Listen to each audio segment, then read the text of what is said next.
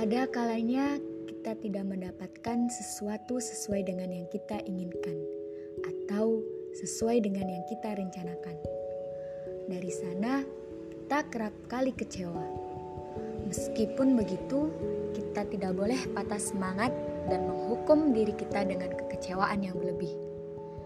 Selain menyusun strategi baru, menghadapi tantangan hidup berikutnya, kamu juga perlu tetap semangat dengan membaca atau memikirkan tentang hal-hal yang positif.